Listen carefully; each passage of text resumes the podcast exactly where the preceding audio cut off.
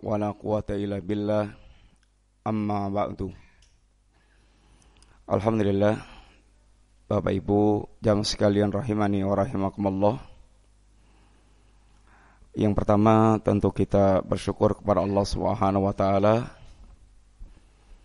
karena hanya semata-mata dengan nikmat dan karunia Allah pada malam hari ini kita bersama-sama diberikan kemudahan untuk menunaikan sebagian kewajiban kita sebagai hamba Allah Ta'ala yang tanpa pertolongan Allah sesungguhnya kita tidak akan bisa melakukan kebaikan jenis apa pun. Oleh karena itulah yang mesti disadari setiap kita adalah bahwa semua yang kita sedang bisa lakukan atau kita rasakan dalam bentuk apa pun dari kenikmatan ini semua kenikmatan itu datangnya dari Allah Subhanahu wa taala. Wa ma bikum min nikmatin faminallah apa pun nikmat yang sedang Anda rasakan maka semua itu datangnya dari Allah Subhanahu wa taala. Dan Allah ingatkan pula seandainya kita berusaha untuk merekap berapa banyak nikmat yang kita terima, pasti tidak akan pernah kita bisa untuk merekapnya. Wa in ta'uddu nikmatallahi la tuhsuha. Seandainya Anda berusaha untuk menghitung berapa nikmat Allah, pasti tidak akan bisa Anda lakukan. Oleh karena itulah, Bapak sekalian, yang bisa kita lakukan seperti apa yang diajarkan Nabi kita Muhammad sallallahu alaihi wasallam itu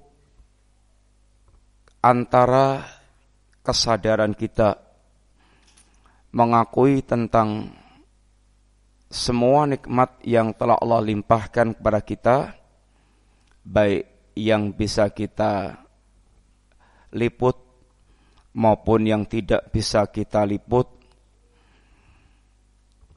Karena sangat banyak nikmat Allah yang tidak bisa kita liput. Tapi kita hanya bisa menyadarkan diri kita bahwa kita ini sedang berlimpah ruah dengan nikmat Allah Ta'ala. Dan pengakuan kita tentang segala kekurangan yang kita miliki, bahkan kesadaran kita berapa banyak nikmat Allah yang justru kita gunakan untuk durhaka terhadap Allah Ta'ala. Itulah yang Nabi gabungkan di dalam sebuah kalimat dalam Sayyidul Istighfar. Di sana ada kalimat Abu'u laka binikmatika alayya wa abu'u bidambi. Ya Allah, aku mengakui tentang semua nikmat yang telah engkau limpahkan kepadaku dan aku pula mengakui tentang segala dosa yang aku lakukan. Oleh karena itulah, Bapak sekalian, bersama dengan bahkan bersama dengan segala ketaatan yang kita lakukan, di antara yang Allah dan Nabi perintahkan dan ajarkan kepada kita adalah memperbanyak istighfar. Bukan sekedar ketika kita sadar melakukan kesalahan, dosa dan kesalahan, tapi bahkan bersama dengan ketaatan-ketaatan kita, sesungguhnya banyak sekali kekurangan-kekurangan yang menyertai segala macam bentuk ketaatan kita kepada Allah Subhanahu wa taala. Oleh karena itulah ketika kita selesai salat satu di antara wirid yang Nabi ajarkan astagfirullah, astagfirullah, sedangkan salat kita ini bukan maksiat. Tetapi kita diajarkan bersama dengan sholat kita ini pasti banyak sekali kekurangan yang kita miliki. Apalagi kita. Rasulullah Sallallahu Alaihi Wasallam beliau yang diperintahkan Allah untuk berdakwah dan dia telah dan beliau telah all out dengan dakwahnya Bahkan beliau telah korbankan segala apa yang bisa beliau korbankan. Waktu, tenaga, harta, kehormatan, sehingga beliau tidak pedulikan caci makian manusia terhadap dirinya. Di puncak kemenangan dakwah dengan Fathul Makkah, dibukanya kota Mekah, Allah perintahkan kepada Nabi kita yang mulia SAW fasabbi bihamdi rabbika wastaghfirhu. Di antaranya Allah perintahkan kepada beliau untuk beristighfar kepada Allah Subhanahu wa taala. Ini semuanya dalam rangka untuk menyadarkan diri kita bahwa sesungguhnya kita tidak akan mungkin bisa mensyukuri dengan sesungguhnya semua nikmat yang telah limpahkan kepada kita tetapi justru kita diajak untuk senantiasa yaitu menyadari bersama ketaatan kita kepada Allah yang tidak seberapa ini pun pasti banyak sekali kekurangan-kekurangan yang kita miliki. Yang kedua, Bapak sekalian, tema kita pada malam hari ini sedikit kita akan berbicara tentang ini al-mahabbatul haqiqiyah cinta yang sejati, cinta yang sesungguhnya, cinta yang akan membawa kepada hakikat kebahagiaan kita di dunia dan di akhirat. Kalimat yang tidak perlu didefinisikan itu di antaranya kalimat cinta. Semakin didefinisikan semakin gak jelas. Karena ungkapan ini sudah sangat jelas pada setiap orang. Seorang mukmin, sekalian, diajarkan agamanya di antara ciri keimanan itu walladzina amanu asyaddu hubban lillah. Seorang mukmin itu atau orang mukmin itu adalah orang-orang yang mereka sangat besar kecintaannya kepada Allah Subhanahu wa taala kecintaan kepada Allah ini kecintaan yang sungguhnya kecintaan yang akan betul membawa hakikat kebahagiaan manusia di dunia maupun di akhirat.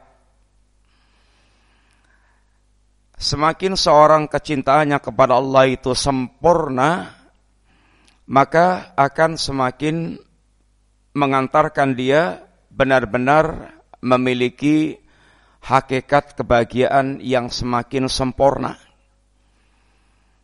Dan semakin berkurang kadar kecintaannya kepada Allah, akan semakin berkurang pula kadar kebahagiaan yang akan dirasakan oleh seseorang di dunia, apalagi di akhirat kelak. Segala bentuk kecintaan yang bukan kecintaan kepada Allah dan karena Allah itu hanya akan berujung kepada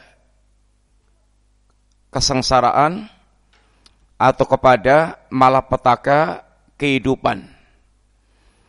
Dan semua kecintaan yang dibangun bukan karena Allah itu rata-rata adalah cinta palsu.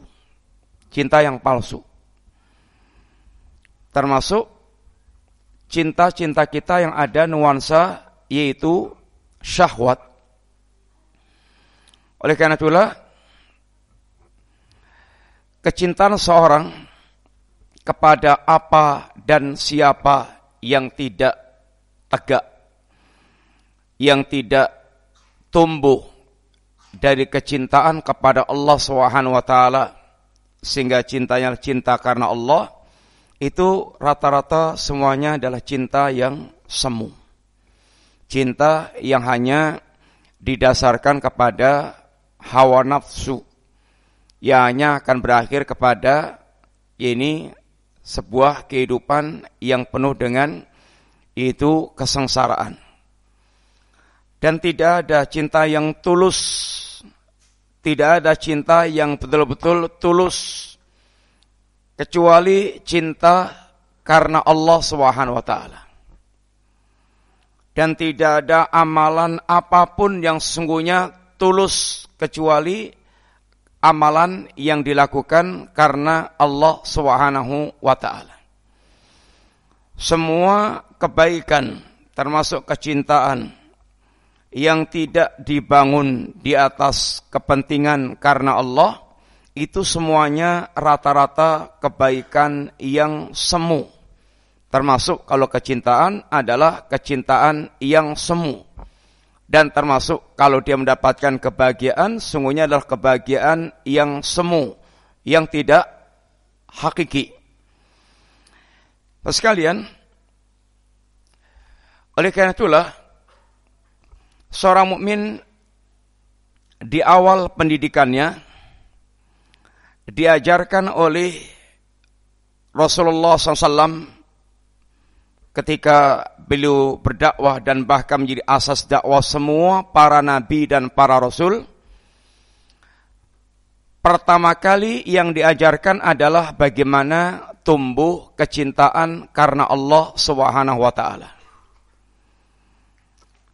Ini menjadi asas dasar dakwah semua nabi dan rasul tanpa kecuali. Bagaimana menanamkan di hati seseorang kecintaan kepada Allah, kecintaan sehingga akan akan menumbuhkan bentuk-bentuk kecintaan pula karena Allah Subhanahu wa taala. Makanya semua nabi dan rasul ini yang pertama kali ditanamkan.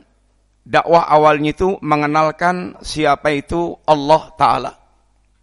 Karena tidak akan tumbuh tidak akan kata orang tak sayang maka tak kenal atau tak kenal maka tak kenal maka tak sayang tidak akan tumbuh kecintaan kecuali kalau dia mengenal maka yang pertama kali diajarkan oleh semua nabi dan rasul dalam dakwahnya adalah mengenalkan Allah Subhanahu wa taala ini sebagai asas ini dakwah yang diajarkan oleh semua nabi dan rasul karena dari situlah akan tumbuh kecintaan kepada Allah Subhanahu wa taala yang merupakan asas untuk menggapai kebahagiaan yang hakiki dunia dan akhirat. Yang apabila semua kecintaan-kecintaan yang tumbuh itu bukan karena Allah, sekali lagi itu hanyalah merupakan ya ini kecintaan yang semu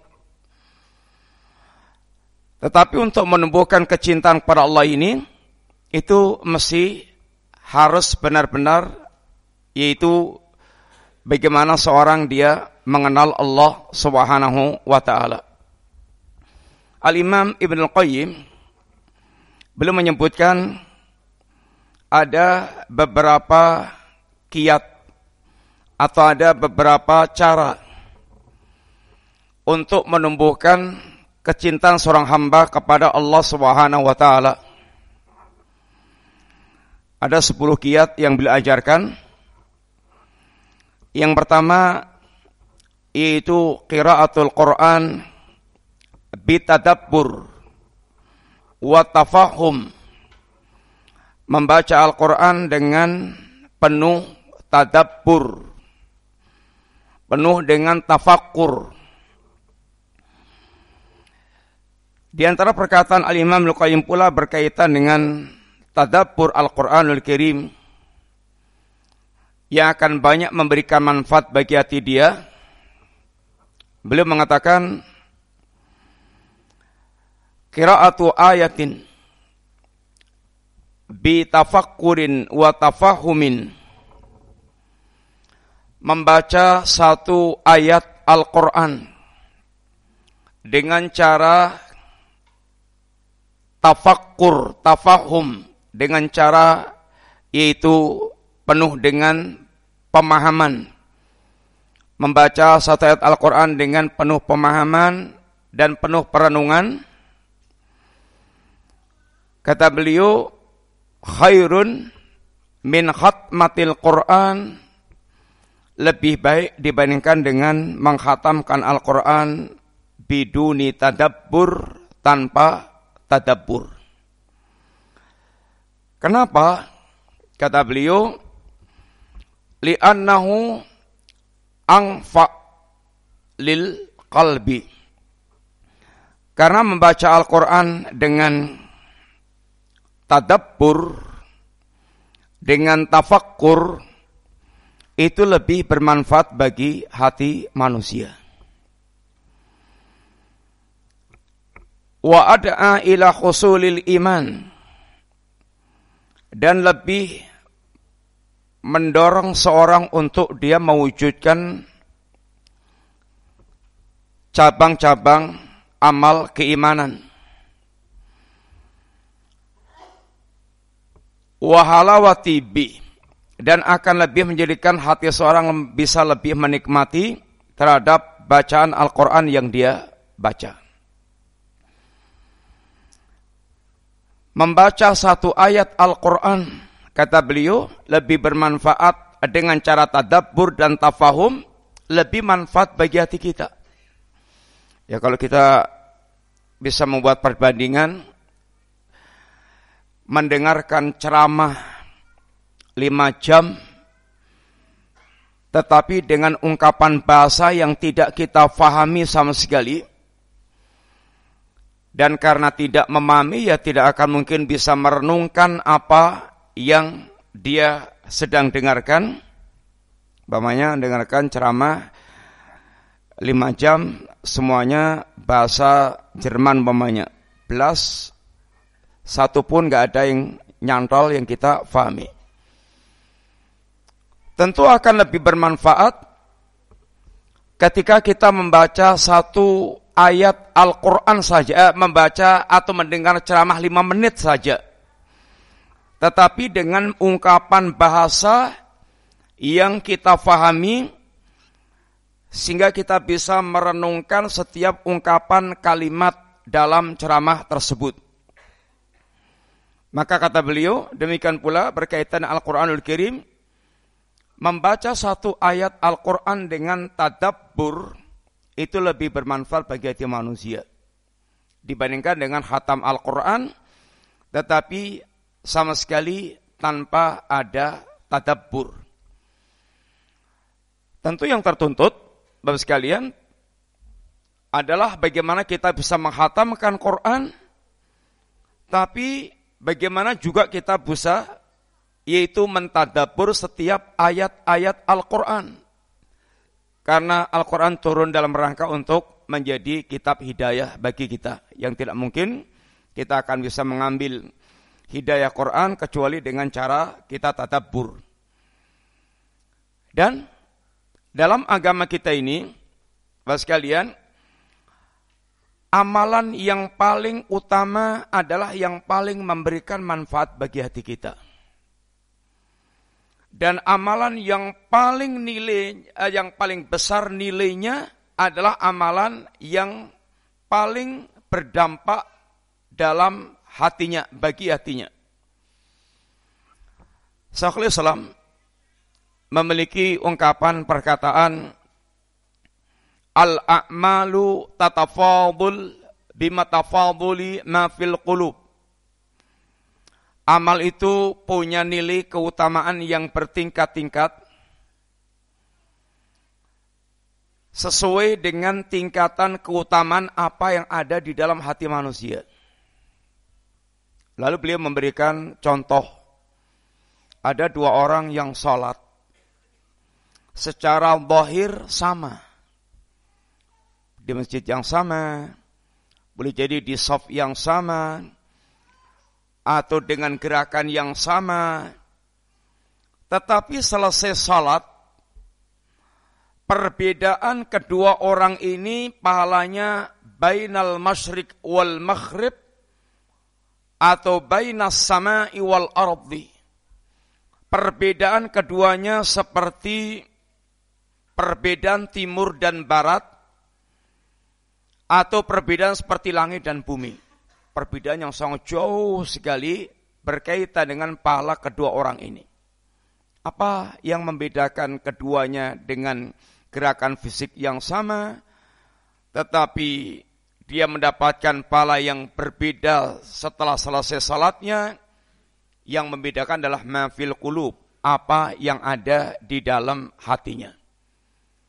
Tingkat ikhlasnya, tingkat cintanya, tingkat rojaknya, tingkat tawakalnya, tingkat mahabbahnya, dan segala macam. Ini yang membedakannya. Sama dengan amalan-amalan fisik yang kita lakukan, sehebat apa pun tidak akan pernah bisa mengalahkan amalnya para sahabat Nabi Rasulullah alim jami'an. Bahkan Nabi memberikan gambaran yang ekstrim. La tasubbu ashabi. Jangan pernah kalian caci maki sahabatku. Lau anna angfaqa ahadukum misla uhudin dahaban ma adraka mutta ahadihim au nasifahu. Seandainya ada di antara kalian yang berinfak dengan emas sebesar gunung Uhud. Gunung Uhud, tahu nggak berapa besarnya, ikhwan? Panjangnya kira-kira 7 kilo. Lebarnya kira-kira 2 sampai 3 kilo tingginya kira-kira 300-an atau 200-an meter. Itu tinggi Gunung Uhud atau besar Gunung Uhud. Panjangnya sekitar 7 kilo, panjang lebarnya sekitar 2 sampai 3 kilo, tingginya sekitar itu 300-an meter. Itu demikian dikatakan tentang Gunung Uhud. Seandainya ada di antara kita yang infak sebesar Gunung Uhud dalam bentuk emas, dan kayaknya nggak ada, itu tetap tidak akan bisa menyamai infaknya para sahabat walaupun hanya satu mut, satu rayuan. Dan itu wujudnya adalah infak kurma atau gandum. Itu tidak akan bisa menyamai infaknya sahabat yang senilai, senilainya segitu. Dan selamanya insya Allah yang namanya emas itu lebih mahal daripada korma atau gandum.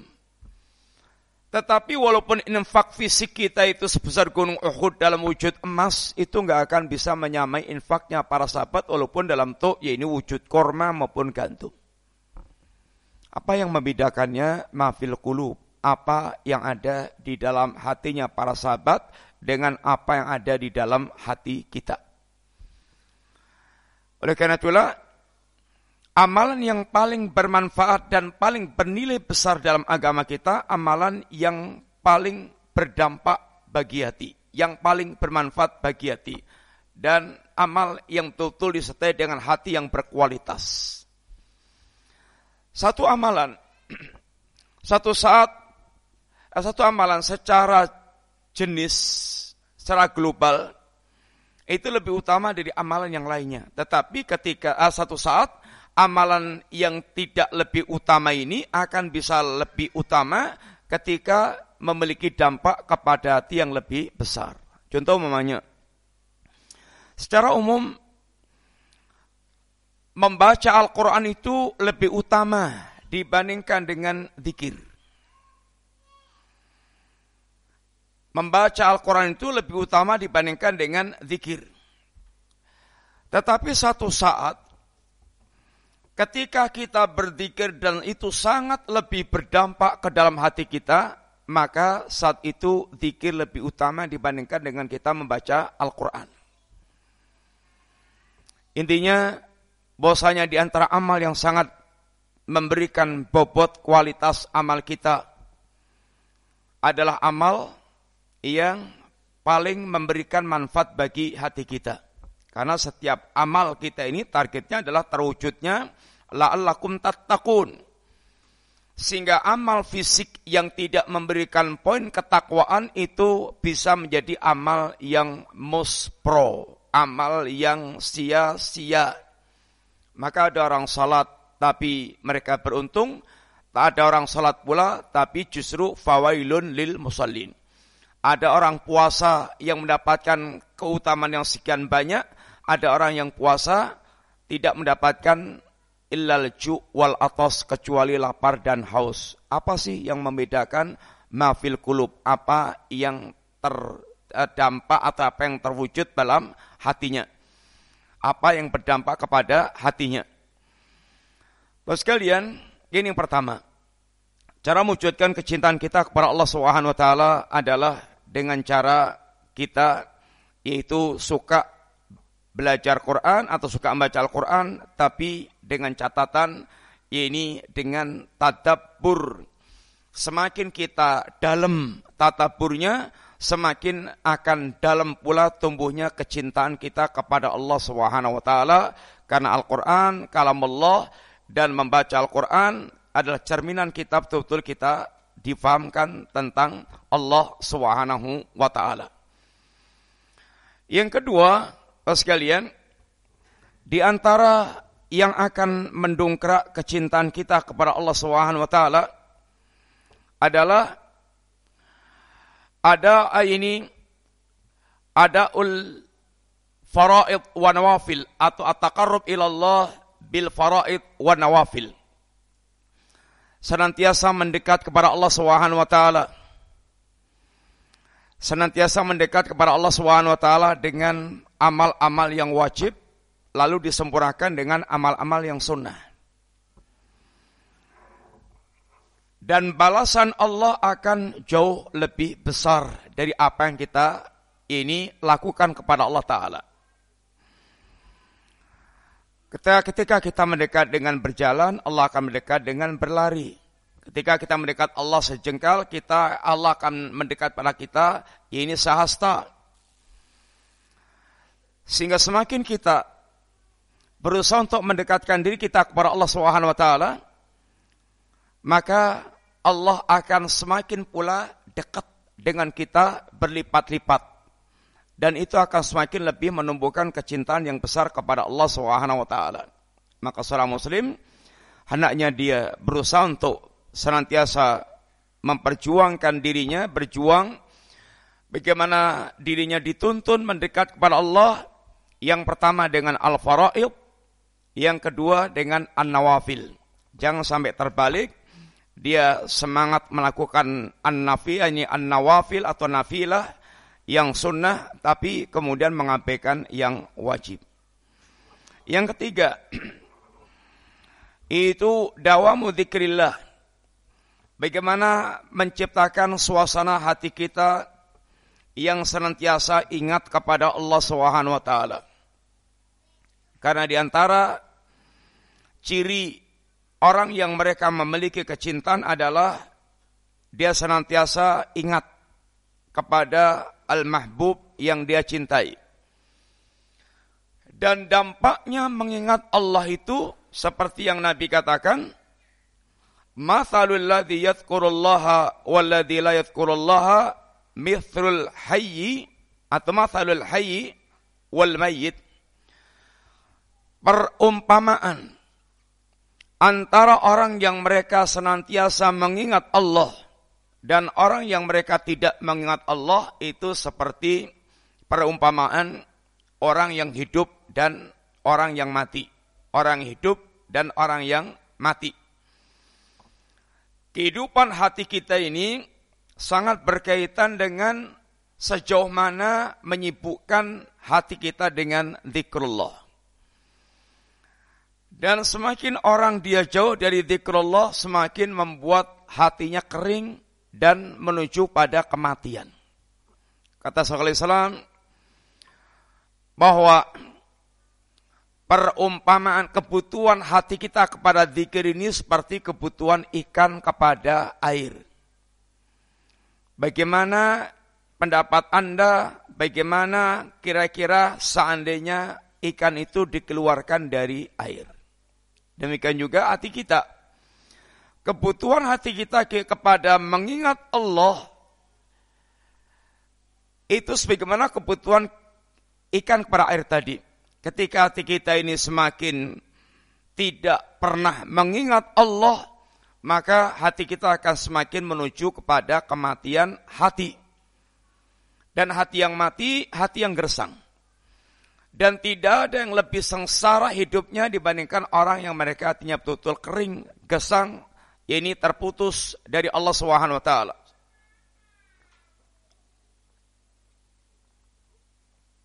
Yang keempat, di antara sebab seorang tumbuh kecintanya kepada Allah, Bapak sekalian, adalah at-tafakkur, uh, ini itharu mayuhibullah. Senantiasa mendahulukan apa yang dicintai oleh Allah Subhanahu wa taala. Sudah menjadi hal yang kita fahami. Setiap mencintai itu dia akan sangat mengutamakan permintaan yang kita cintai. Demikian pula ketika seorang betul-betul mencintai Allah Subhanahu wa taala, maka akan nampak alamat dia senantiasa mendahulukan dan mementingkan apa yang menjadi kecintaan Allah taala. Sehingga orang yang mereka betul-betul memiliki kecintaan yang sejati, kecintaan yang tulus, maka dia pasti akan senantiasa mendahulukan kecintaan Allah apa pun risikonya. Bapak sekalian, kita tentu akan bisa melihat contoh yang paling jelas dan nyata adalah kehidupan para sahabat Nabi Rasulullah alaihim jami'an. Yang paling jelas nampak di mata kita bukti kecintaan para sahabat kepada Allah di antaranya dalam amalan hijrah yang mereka lakukan. Hijrahnya mereka itu yang harus kita bayangkan satu jarak yang ditempuh untuk hijrah itu sangat jauh. Mekah Madinah berapa jaraknya, ikhwan? Enggak kurang dari 400 kilo. Dan suasana Mekah Madinah itu ya secara umum suasana Saudi secara umum ya kalau panas bisa sampai panas banget sampai 40 derajat lebih. Kalau dingin bisa dingin banget perjalanan uh, Mekah Madinah ya bisa diperkirakan kalau jalan kaki berapa lama, kalau naik unta berapa lama. Saat itu kendaraannya ada adanya hanya unta ya sekitar unta. Antara jalan atau naik unta. Di bawah bayang-bayang yaitu ancaman orang-orang Quraisy. Yang kedua, perjalanannya itu yang nggak seenak kalau kita sekarang ini.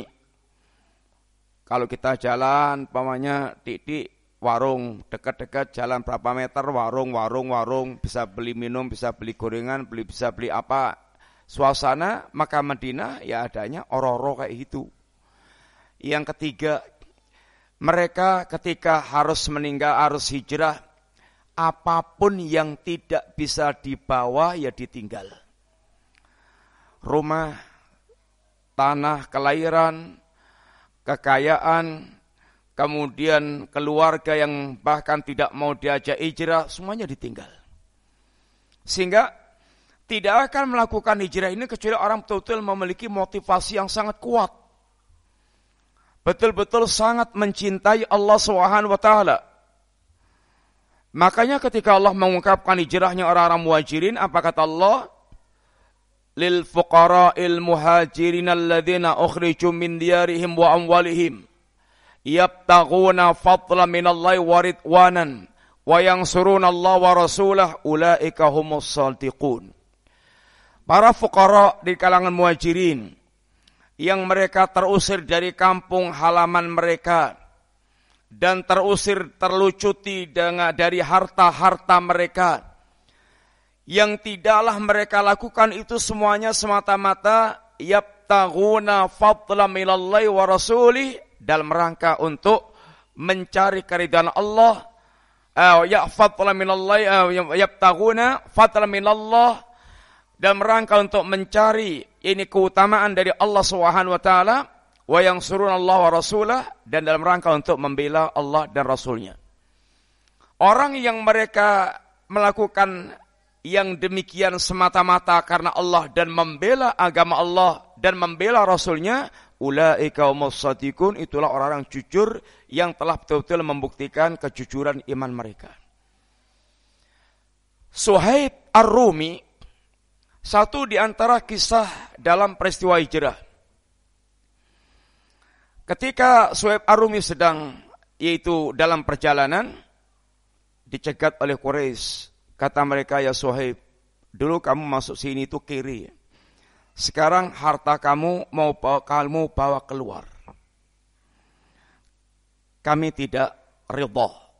Kata Suhaib, wahai Quraisy, kalian tahu saya ini adalah pemanah. Artinya silahkan siap, silahkan siapkan diri Anda menghadapi panah-panah yang akan dilepaskan oleh Suhaib. Tapi kata Suhaib, kalau kalian mau, akan aku serahkan seluruh harta yang aku miliki kepada kalian. Bahkan aku tunjukkan di mana simpanan hartaku. Ambil. Dalam rangka Suhaib bisa dilepas melinggang bebas ke yaitu Madinah untuk hijrah memenuhi panggilan Allah Subhanahu wa taala. Dalam hal ini Suhaib dia lepaskan semua apa yang dia miliki hanya dalam rangka untuk bisa menempuh perjalanan hijrah ke Madinah. Sehingga ketika sampai di Madinah, Suhaib disambut hangat oleh Rasulullah SAW dengan ungkapan, Rabbi hal bai'u ya abayah ya, Rabbi hal bai'u ya abayah ya. Sungguh sangat beruntung perdagangan anda wai Abu Yahya. Berdagang dengan siapa? Suhaib. Berdagang dengan Allah. Karena hakikat seorang mukmin dengan semua kebaikan yang dia lakukan itu adalah bentuk perdagangan kepada Allah Subhanahu wa taala.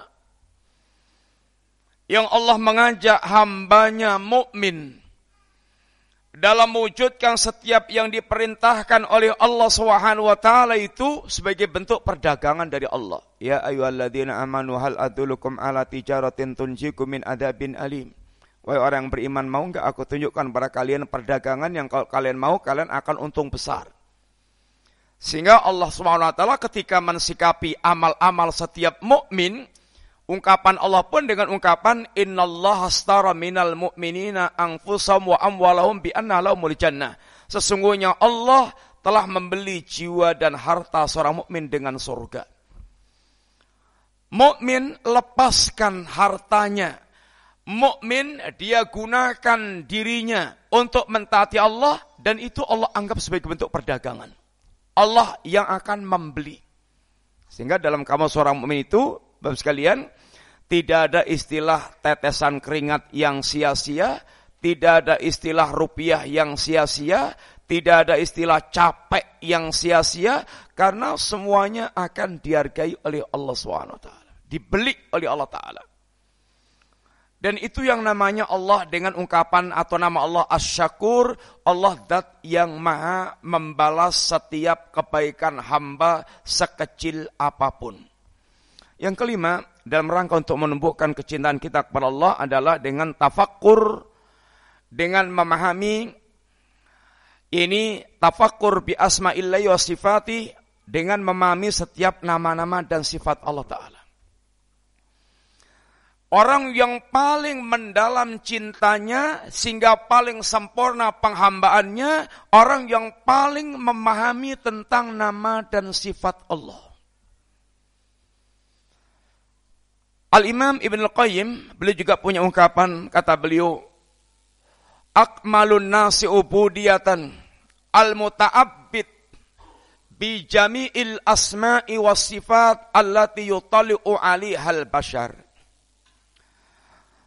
Orang yang paling sempurna penghambaannya kepada Allah adalah orang yang paling orang yang beribadah kepada Allah dengan semua nama dan sifat yang Allah telah terangkan kepada manusia. Adhan. Silakan adhan dulu. Kita adhan sebentar. Kita lanjutkan sebentar. Nanti baru sholat isya. Gitu man. Iya. Iya. Monggo adzan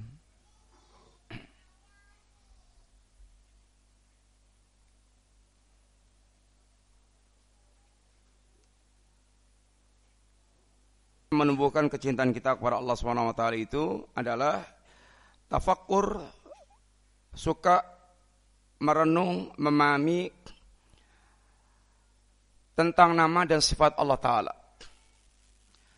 Yang semakin mendalam pemahaman kita tentang nama dan sifat Allah Ta'ala akan semakin tumbuh kecintaan kita yang semakin besar. Sehingga orang yang paling sempurna penghambaannya kepada Allah kata Ibnu Qayyim, orang yang mereka beribadah kepada Allah dengan semua nama dan sifat Allah Ta'ala. Dia akan semakin banyak bisa mewujudkan setiap ibadah yang tertuntut dari setiap nama Allah Ta'ala. Karena setiap nama Allah itu mengandung tuntutan ibadah kepada Allah secara khusus. Dan semakin dia mengenal Allah ini akan semakin mendalam kecintaan dia kepada Allah, akan semakin membuat dia semakin menikmati kelezatan iman kepada Allah Ta'ala. Panjang uranya, tapi singkatnya adalah ini yang kelima, yaitu kesempatan tumbuhnya kecintaan kita kepada Allah, di antaranya dengan sebab kita semakin mengenal nama dan sifat Allah Ta'ala. Oleh karena itu, lehwan, sesungguhnya kebutuhan kita terhadap memahami nama-nama Allah itu mutlak. Silahkan baca bukunya Sabtu Razak, ini Fikul Asmail Husna akan mengantarkan kita semakin memahami setiap nama dan sifat Allah Ta'ala. Yang keenam, yaitu at-tafakkur bi ni'amillah.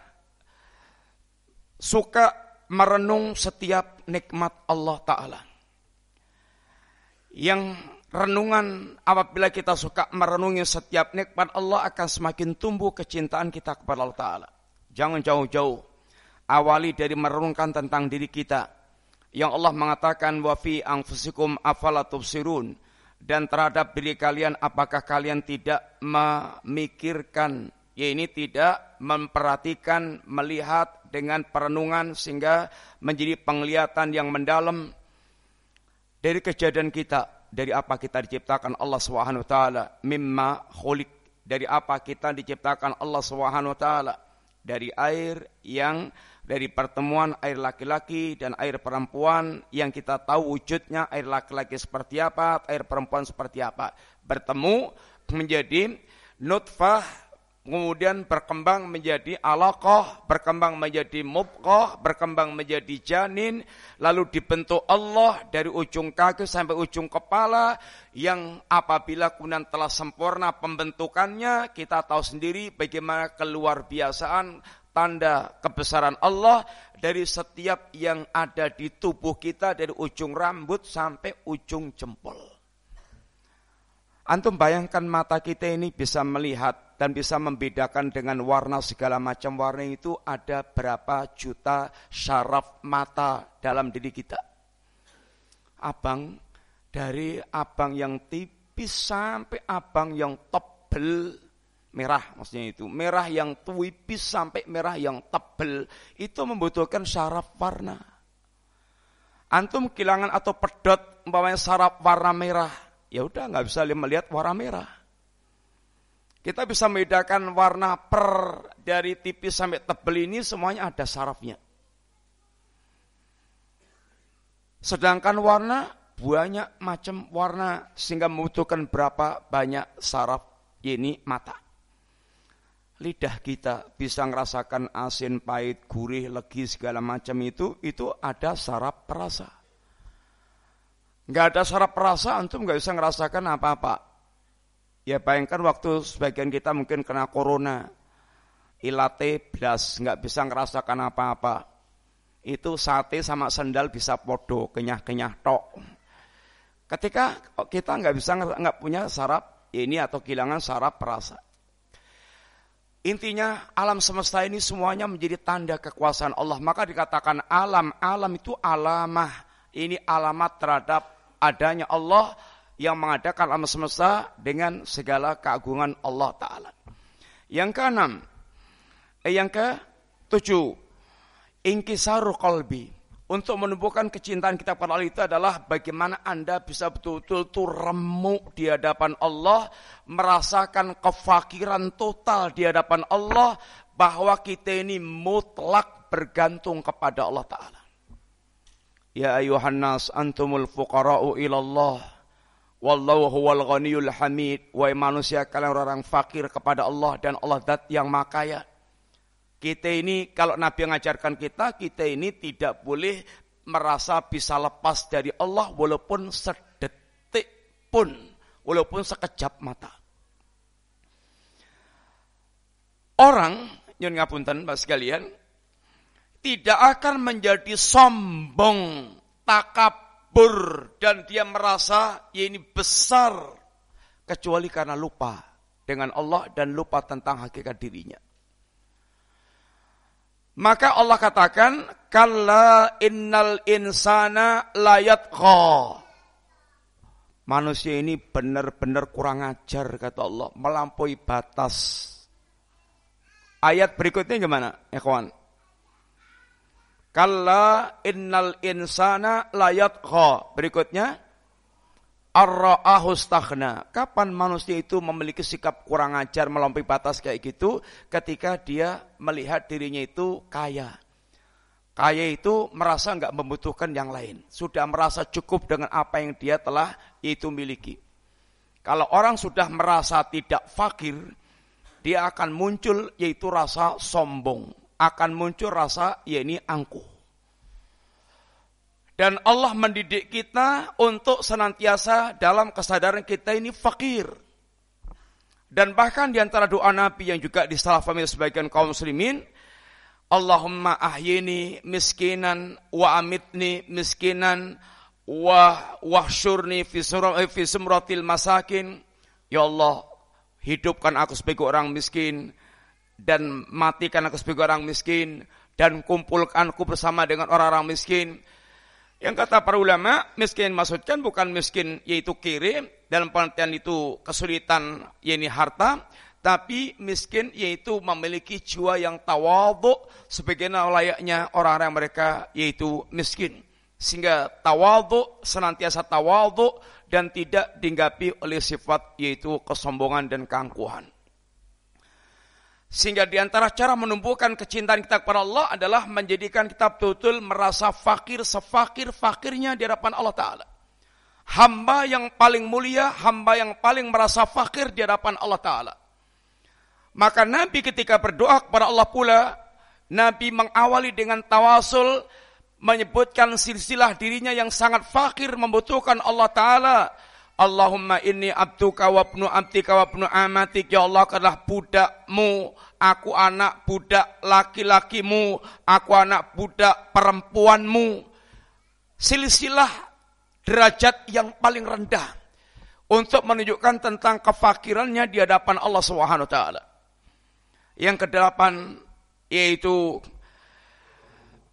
khulwah khalwat dengan Allah Subhanahu wa taala khususnya pada sepertiga malam yang terakhir saat Allah turun ke langit dunia yang kesembilan yaitu uh, mujalah satu salihin mujalasah dengan orang saleh yang bisa selalu menumbuhkan rasa kecintaan dan pengagungan kita kepada Allah karena kehidupan mereka kehidupan orang-orang yang senantiasa mengingat Allah dan senantiasa mengagungkan Allah beda dengan kita hidup bersama dengan orang-orang taleh orang yang sombong dan angkuh dan lupa dengan Allah, kita akan bisa menjadi, bisa menjadi orang-orang yang semakin jauh kepada semakin jauh dari Allah Taala. Yang ke sepuluh yaitu menjauhkan diri dari semua yang akan menjadi penghalang antara kita dengan Allah Taala. Syirik, kufur, nifak, bid'ah, maksiat semuanya penghalang hati dengan Allah Taala. Dan orang semakin dia tenggelam dalam uh, berbagai macam kemaksiatan yang semakin tebal tadi, semakin tebal tembok pemisah antara dia dengan Allah dan orang yang mereka terpisahkan dengan Allah orang yang paling sengsara. bila di awal kita sebutkan bahwa tidak ada kecintaan yang tulus dan sejati kecuali kecintaan yang dibangun di atas kecintaan kepada Allah dan karena Allah Ta'ala. Semua kecintaan yang tumbuh bukan karena Allah, nggak berkaitan dengan Allah, rata-rata palsu dan semu. Pernah nggak antum yaitu dengar kisahnya Abdurrahman bin Abu Bakar yang tergila-gila cintanya kepada uh, Alayla bintu Al-Juddi. Pernah kan enggak? Gimana kisahnya, ya kawan? Abdurrahman pernah dagang ke Syam. Terus pernah melihat sekilas ini Laila bintu Judi. Sampai tergila-gila. Sampai pulang ke Madinah, itu sering membuat siir atau ungkapan yang menunjukkan dia laki-laki yang sedang tergila-gila dengan Laila tersebut. Dan biasanya orang yang mereka sedang jatuh cinta itu pintar membuat ungkapan-ungkapan siir-siir, membuat ungkapan tadinya itu serogal-serogol, tadinya itu uh, teronyak-terunyuk, tadinya itu ungkapannya ungkapan orang-orang yang kelihatan kasar, tapi kalau udah kena gila cinta ini, oh bisa membuat ungkapan yang indah, yang bagus. Termasuk Abdurrahman ini belum punya ini ungkapan tentang Laila. Sampai di zaman Umar ibn Khattab, Umar benar-benar kasihan sama Abdurrahman yang sedang tergila-gila dengan Laila bintu Judi. Sampai akhirnya Umar ketika mutus panglima yang akan menguasai Syam, pesan nanti kalau ada yang mendapatkan Laila bintu Judi kasihkan kepada Abdurrahman. Dan Allah takdirkan benar. Didapatkanlah Laila bintu Judi karena muslimin diberikan kemenangan Allah untuk menaklukkan Syam. Maka Laila diberikan akhirnya kepada Abdurrahman bin Abi Bakar. Betapa sangat gembiranya hati Abdurrahman. Ketika Abdurrahman dia kemudian menikahi si wanita ini, kecintaannya mengalahkan semua istri-istrinya. Sampai akhirnya kecintaannya kepada Laila ini diprotes oleh istri-istri yang lainnya. Mereka mengadu kepada Aisyah, saudaranya Abdurrahman.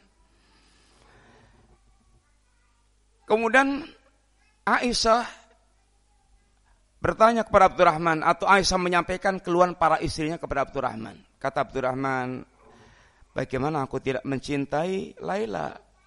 Lihatlah bagaimana giginya kayak gigi biji delima. Intinya ungkapan laki-laki yang betul sangat dibuat tergila-gila dengan ini Laila. Kemudian satu saat Laila ini terkena penyakit yang membuat bibirnya itu duer. Yang kemudian membuat giginya itu kemudian kelihatan terus dan nampak jelek. Akhirnya berubah sikap Abdurrahman. Tadinya bagaimana kecintanya kepada Laila yang sangat luar biasa, sekarang begitu nampak parasnya atau wajahnya sudah berubah, kelihatan duer atau membeli yang membuat jelek, intinya mulai berubah kecintaannya, bahkan mulai berbuat kasar kepada yaitu Laila. Sampai akhirnya justru Laila protes kepada, ngeluh kepada Aisyah, kok sekarang Abdurrahman kayak gitu. Aisyah pun kemudian menasihati Abdurrahman, ya Abdurrahman, ahbabta Laila wa farotta. Wahai Abdurrahman, kamu telah mencintai eh, mencintai Laila dan kamu telah berlebihan.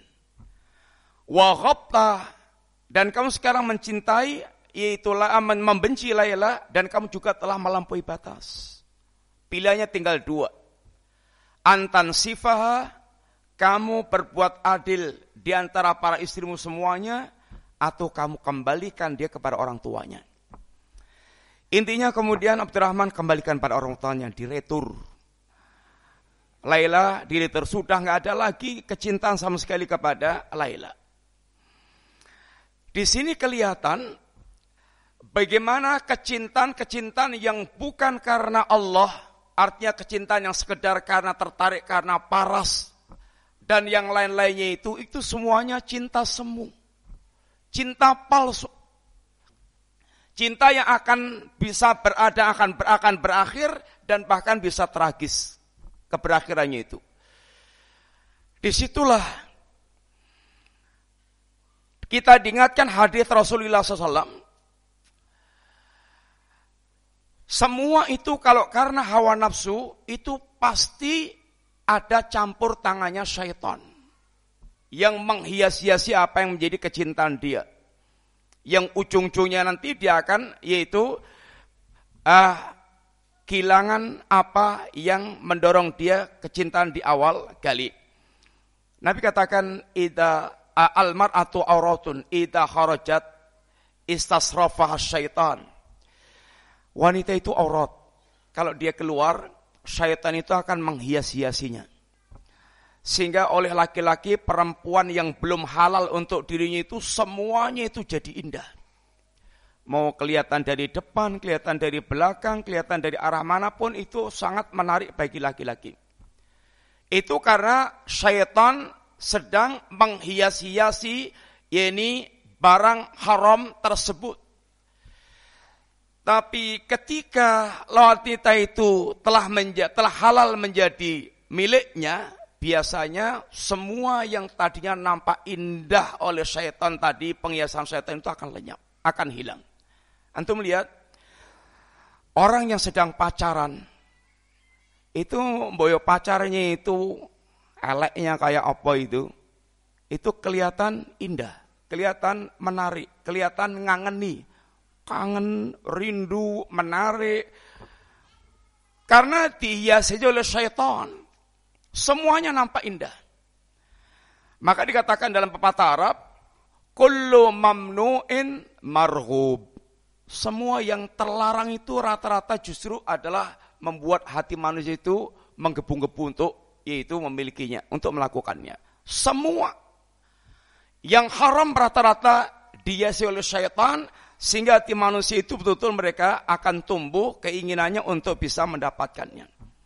Tapi kalau sudah memilikinya, justru rata-rata kemudian ya ini hal hilang hakikat apa yang mendorong dia tadi mencintainya itu. Orang yang sudah pacaran lima tahun, enam tahun, kadang-kadang sampai bertahun-tahun, itu begitu kawin, semua keindahan waktu masih haram hilang. Sekarang yang ada malah tiap hari congkra terus, Brontoyudo terus, sehingga ini suasana jadi kayak neraka yang dulu kayak surga, sekarang berubah jadi kayak neraka. Dan semua kecintaan kepada apa dan siapa, kalau dorongannya bukan karena Allah, itu akan berujung pada yaitu eh, kehilangan hakikat kecintaan. Orang cinta karena harta, harta hilang ya sudah jadi tong sampah, jadi buang ke tong sampah. Orang cinta karena jabatan, waktu masih menjabat, ya masya Allah disubyo-subyo. Masya Allah bagaimana orang menjilat-jilat sampai kelomoh. Tapi begitu dia hilang jabatannya, sudah dibuang ke tong sampah. nggak ada lagi harganya. Semuanya kira-kira demikian. Yang hanya akan langgeng orang yang mereka kecintaannya lah karena Allah Subhanahu taala. Orang yang mereka menikah karena Allah, maka perjalanan rumah tangganya akan bisa semakin mendalam kecintaannya kepada yakni sang istri. Orang yang mereka berkawan karena Allah tidak akan tidak akan hilang rasa ini persaudaraannya walaupun dia menjadi miskin, walaupun dia yaitu hilang uh, dunianya selama dia tidak kehilangan yaitu keimanan dia kepada Allah Subhanahu wa taala. Maka kata Allah, al akhillau yauma idzin ba'dhum li ba'din aduun ilal muttaqin. Al-akhilla, orang-orang yang di dunia berkawan akrab, berkawan dekat, akan berubah menjadi sebuah permusuhan kelak dari kiamat kecuali orang-orang yang mereka bertakwa kepada Allah Subhanahu taala. Orang yang mereka mencintai karena Allah akan mewariskan kebahagiaan dan kelezatan iman. Dia akan menjadi orang-orang yang memiliki hati yang bisa betul-betul merasakan hakikat kebahagiaan yang sesungguhnya karena imannya tersebut. Apa sih kebahagiaan itu? Kebahagiaan itu kata para ulama adalah itmi'nanul qalbi wang sirahu sadri. Hati yang tenang dan jiwa yang lapang. Kecintaan Allah alias iman yang bercokol di dalam hati seorang ini yang akan mewariskan kehidupan kita betul-betul merasakan hati yang tenang dan jiwa yang lapang dalam kondisi apa pun. Dalam kondisi apa pun. Ini yang dikatakan Nabi dengan ungkapan ajaban li amril mukmin sangat mengirankan jiwa seorang mukmin, hati seorang mukmin. Inna amrahu kullahu lau khairun semua perkaranya itu baik. Semua perkaranya baik. Tidak ada perkara yang buruk bagi dia. Artinya semua keadaan akan dihadapi dengan ketenangan jiwa dan kelapangan dada. Sekali Islam, satu di antara contohnya adalah orang yang merasakan, mengungkapkan perasaannya dan mewakili tentang orang-orang yang memiliki perasaan serupa dengan beliau. Beliau ulama yang menunaikan tugas bayanul haq waradul batil.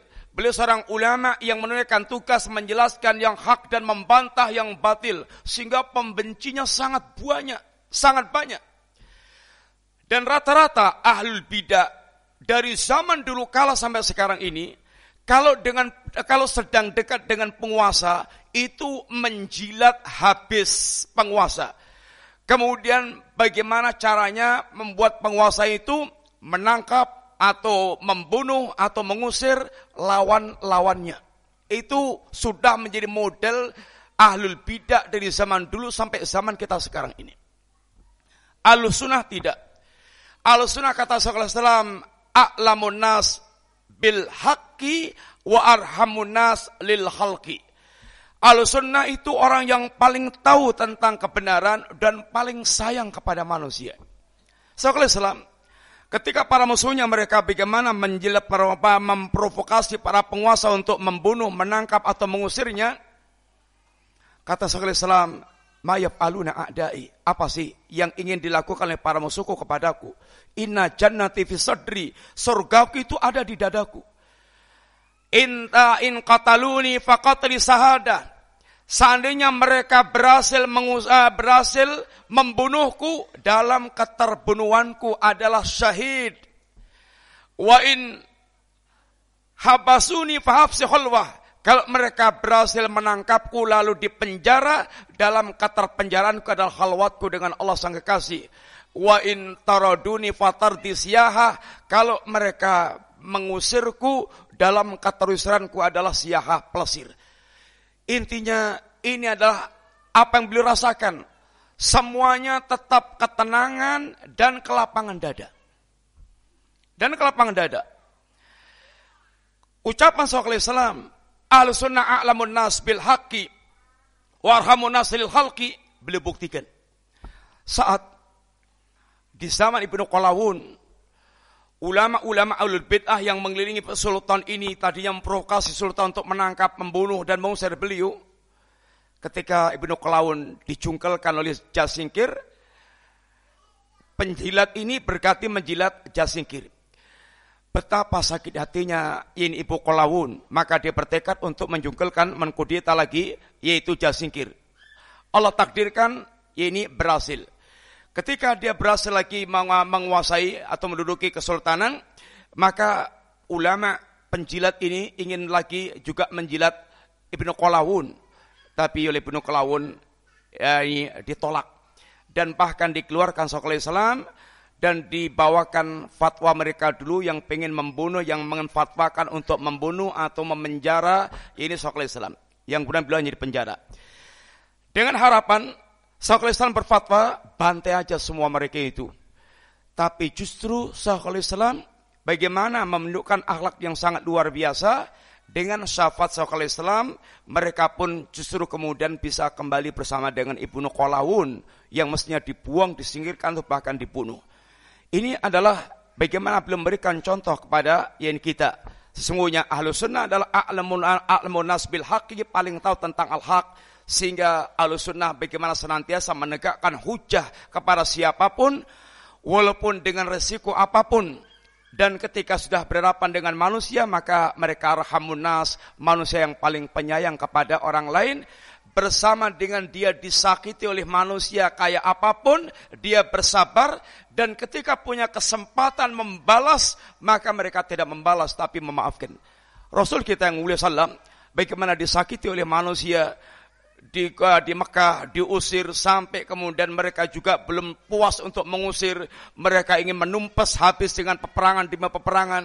Tapi ketika Rasulullah SAW kembali membuka kota Mekah, dan bisa menguasai mereka, bisa membantai mereka yang mestinya kalau penguasa zalim hari itu menjadi yaumul malhamah, hari pembantaian, maka hari itu menjadi yaumul marhamah, hari kasih sayang. Maka Nabi pun sampaikan pada mereka, ini idhapu wa antum tulaqa. Silahkan kalian pergi, kalian tidak mendapatkan resiko apa pun dariku. Khonibillah, inilah kalimat singkat yang kita sampaikan sekilas mudah-mudahan manfaat intinya bahwa tumbuhkan kecintaan kita kepada Allah Subhanahu wa taala itulah cinta hakiki yang benar-benar akan mewariskan kebahagiaan kita di dunia dan di akhirat kelak lilladzina asalul husna wa bagi orang-orang mereka di dunia berbuat baik dia berakidah tauhid meniti sunnah dia menerapkan ajaran agama Allah Subhanahu wa taala bersabar dengan semua kenyataan hidup yang pahit. Bagi mereka di akhirat adalah al-husna yaitu al-jannah waziyadah dan tambahannya bonusnya yaitu kelezatan melihat wajah Allah Subhanahu wa taala yang kelezatannya bahkan mengalahkan semua kelezatan yaitu nikmat jannah. Dan di dunia kecintaan kepada Allah akan melanggengkan hakikat kebaikan dan mewariskan kebahagiaan yang hakiki pula. Sebab ini kebahagiaan di dunia sebelum kebahagiaan di akhirat. Karena Allah katakan innal abrara lafi naim. Dan kata Ibnu Qayyim jangan sangka naibnya sekedar di janatun naim tapi naimun fid dauri thalath di tiga tempat naimun fid dunya wa naimun fil barzah wa naimun fi yaumil qiyamah dalil qarar Semoga Allah taala mudahkan kita untuk senantiasa meniti jalan-jalan kebaikan dan menumbuhkan kecintaan kepada Allah dan kecintaan karena Allah taala karena inilah yang akan melanggengkan kita di dunia dan di akhirat dan meneruskan kebahagiaan di dunia dan akhirat kita. Semoga manfaat. Kalau kurang minta maaf. Wassalamualaikum Muhammadin wa ala alihi wasallam. Ini apa ini, Mas? Hadiah atau apa ini? Ini dari mana ini? Dari takmir. Ya pertanyaan pertama aja untuk ngasih hadiah ini aja. Pertama pertama. Seorang mukmin itu sangat besar banget kecintaannya kepada Allah Taala. Ayatnya gimana? Ada nggak ingat ayatnya? Orang-orang mukmin itu sangat sangat besar kecintaannya kepada Allah. Ada yang nggak ingat ayatnya, Ikhwan? Nggak ada. Gimana? Iya, walladzina amanu asaddu hubban. Kemudian yang kedua, di antara kiat mencinta, menumbuhkan kecintaan kepada Allah apa? Silakan. Apa di antara kiat menumbuhkan kecintaan kepada Allah Subhanahu wa taala? Apa? Baca Quran gimana? Baca Quran dengan tadabbur. Ya demikian Bapak sekalian semoga manfaat. Jazakumullah khair matunun. Wassallallahu ala Muhammadin wa ala alihi washabihi wasallam. Subhanakallahumma wa bihamdika asyhadu an la ilaha illa anta astaghfiruka wa atubu ilaik. Assalamualaikum warahmatullahi wabarakatuh.